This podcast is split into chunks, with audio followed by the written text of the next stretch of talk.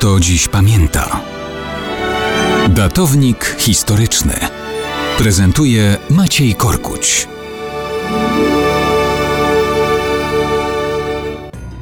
Mało kto dziś pamięta, że 4 lutego 900 roku na tronie wschodniofrankijskim zasiadł Ludwik IV Dziecię. To był jedyny legalny syn Arnulfa z Karyntii, króla Franków Wschodnich, a zarazem króla Włoch i cesarza rzymskiego. Dziadkiem Ludwika IV był Karloman, najstarszy syn Ludwika II Niemca, czyli pradziadka Ludwika IV. Prapradziadkiem Ludwika Dziecięcia był Ludwik I o przydomku pobożny. Jako, że ten był synem znanego nam wszystkim cesarza Karola Wielkiego, to ów cesarz był dla Ludwika Dziecięcia pra-pra pradziadkiem, a jego ojciec Pepin Krótki pra-pra-pra pradziadkiem.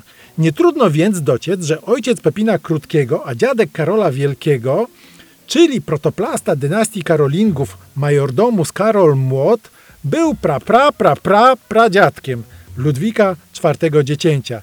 Ten więc, jak wszystko na to wskazuje, był pra-pra pra pra prawnukiem Karola Młota, pra-pra pra prawnukiem Pepina Krótkiego, praprawnukiem Karola Wielkiego, praprawnukiem Ludwika Pobożnego, prawnukiem Ludwika Niemca, wnukiem Karlomana i, jak już wiemy doskonale, synem Arnulfa z Karyntii. Gdyby Ludwik IV miał syna, to ten byłby więc prapra, prapra, praprawnukiem protoplasty Karolingów Karola Młota. Ale Ludwik, jak sam przydomek wskazuje, objął rządy jako dziecię i Zmarł nie dożywszy lat 18 bezpotomnie. Był ostatnim Karolingiem na tronie Franków Wschodnich, czyli Niemców, co tylko przypieczętowało rozejście się dróg Niemiec i Królestwa Franków Zachodnich, czyli Francji. Ale przecież protoplasta dynastii Karolingów Karol Młot też